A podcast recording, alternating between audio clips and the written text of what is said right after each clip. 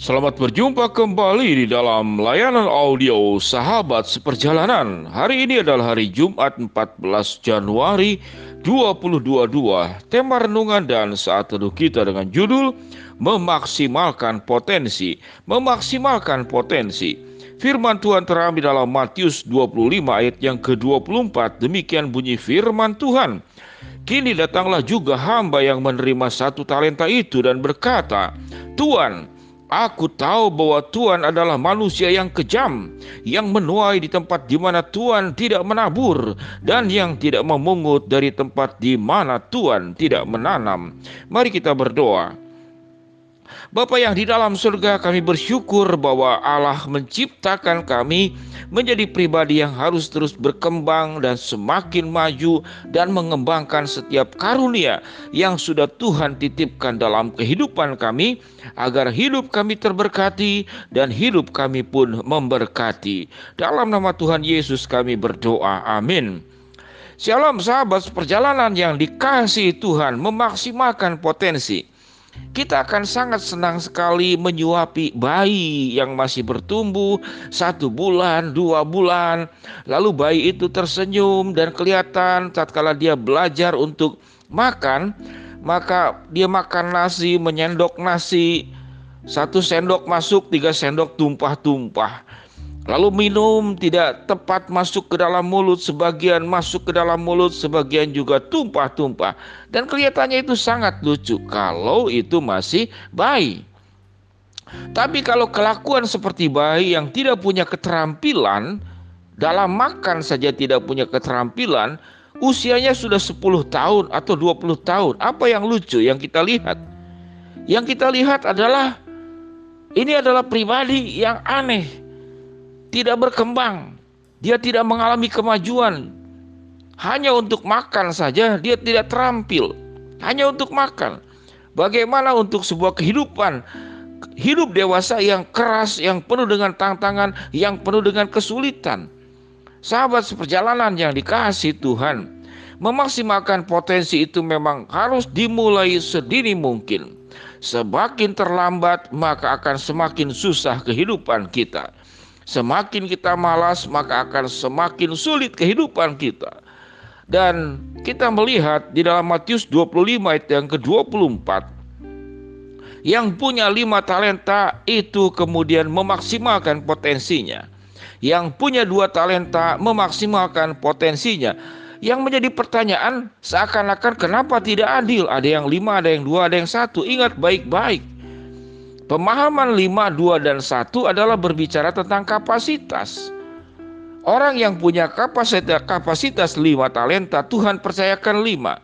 Orang yang punya kapasitas 2 talenta, Tuhan percayakan 2. Orang yang punya kapasitas hanya satu talenta, maka Tuhan pun percayakan hanya satu talenta. Mengapa ada berbeda? Karena yang lima dia sudah mengembangkan. Pada dasarnya setiap orang itu pada awal mulanya hanya satu talenta. Namun yang lima dia mengembangkan sampai dia punya kemampuan mengelola lima talenta. Yang dua talenta pun dulunya hanya satu talenta, namun dia mengembangkan sehingga dia punya kemampuan mengelola dua talenta dan dipercayakan dua talenta. Yang satu talenta diberikan sama seperti yang lima dua, tapi dia tidak mengembangkan. Dia hanya membawa satu talenta.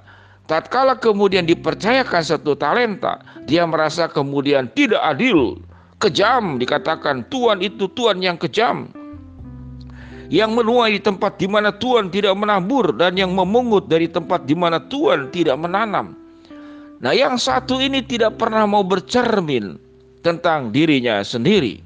Lalu dia menyalahkan yang lima, dia menyalahkan yang dua, dia menyalahkan Tuhan yang memberikan talenta dan karunia, sama seperti kita sahabat seperjalanan. Bukankah kita sering kali seperti yang satu talenta?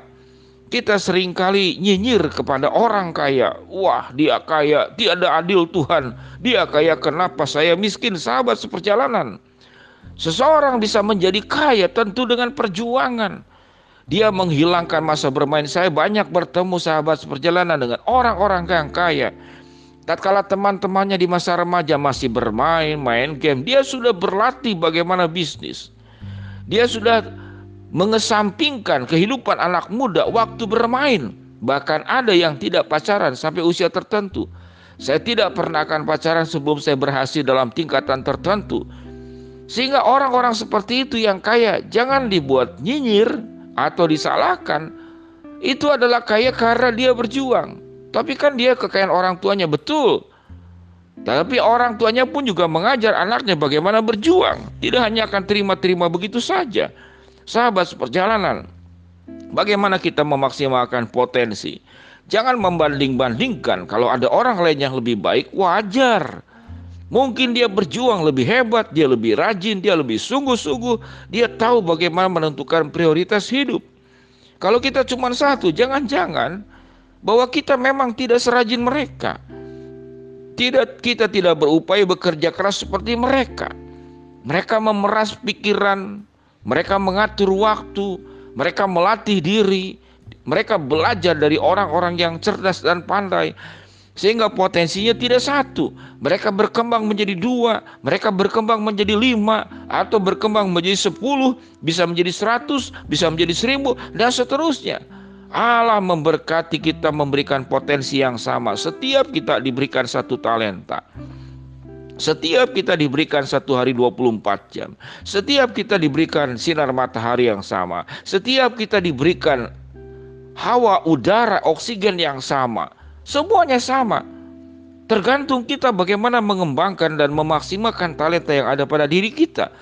Sehingga sahabat seperjalanan berhentilah untuk membanding-bandingkan diri. Kenapa dia lebih baik, kenapa saya tidak? Kenapa dia lebih maju, kenapa saya tidak? Ada banyak faktor. Salah satu faktor adalah mereka lebih maju karena mereka mengembangkan satu talenta yang diberikan oleh Tuhan. Sehingga jadi dua. Mereka mengembangkan satu talenta yang diberikan Tuhan sehingga menjadi lima atau berlipat ganda. Kalau kemudian hidup kita selamanya selalu satu talenta, kita seperti seperti dalam Matius 25 24. Diberikan satu talenta bukan dikembangkan, dia kubur dalam tanah. Tatkala tuannya datang dikembalikanlah satu talenta itu. Lalu kemudian dia tidak berkaca menyalahkan diri sendiri, mengoreksi diri sendiri, malah menyalahkan Tuhan. Tuhan engkau ada Tuhan yang kejam, yang menuai di tempat di mana Tuhan tidak menabur yang memungut dari tempat di mana Tuhan tidak menanam. Bukankah kita seperti demikian bersikap kepada Tuhan? Yaitu kesalahan kita, tetapi Tuhan yang disalahkan. Kita yang malas, kita menyalahkan Tuhan tidak adil. Kenapa dia dapat lima, kenapa dia dapat dua, dan kenapa kita satu? Sahabat seperjalanan yang dikasih Tuhan, biarlah bagian firman Tuhan ini boleh menolong kita bahwa potensi karunia yang ada pada kita bukan untuk dikubur, tapi untuk dikembangkan. Sangat wajar mereka yang rajin, mereka yang sungguh-sungguh, mereka yang berjuang, mereka yang tahu prioritas, mereka yang mengesampingkan kesenangan pribadi, tapi berjuang sungguh-sungguh dalam hidup.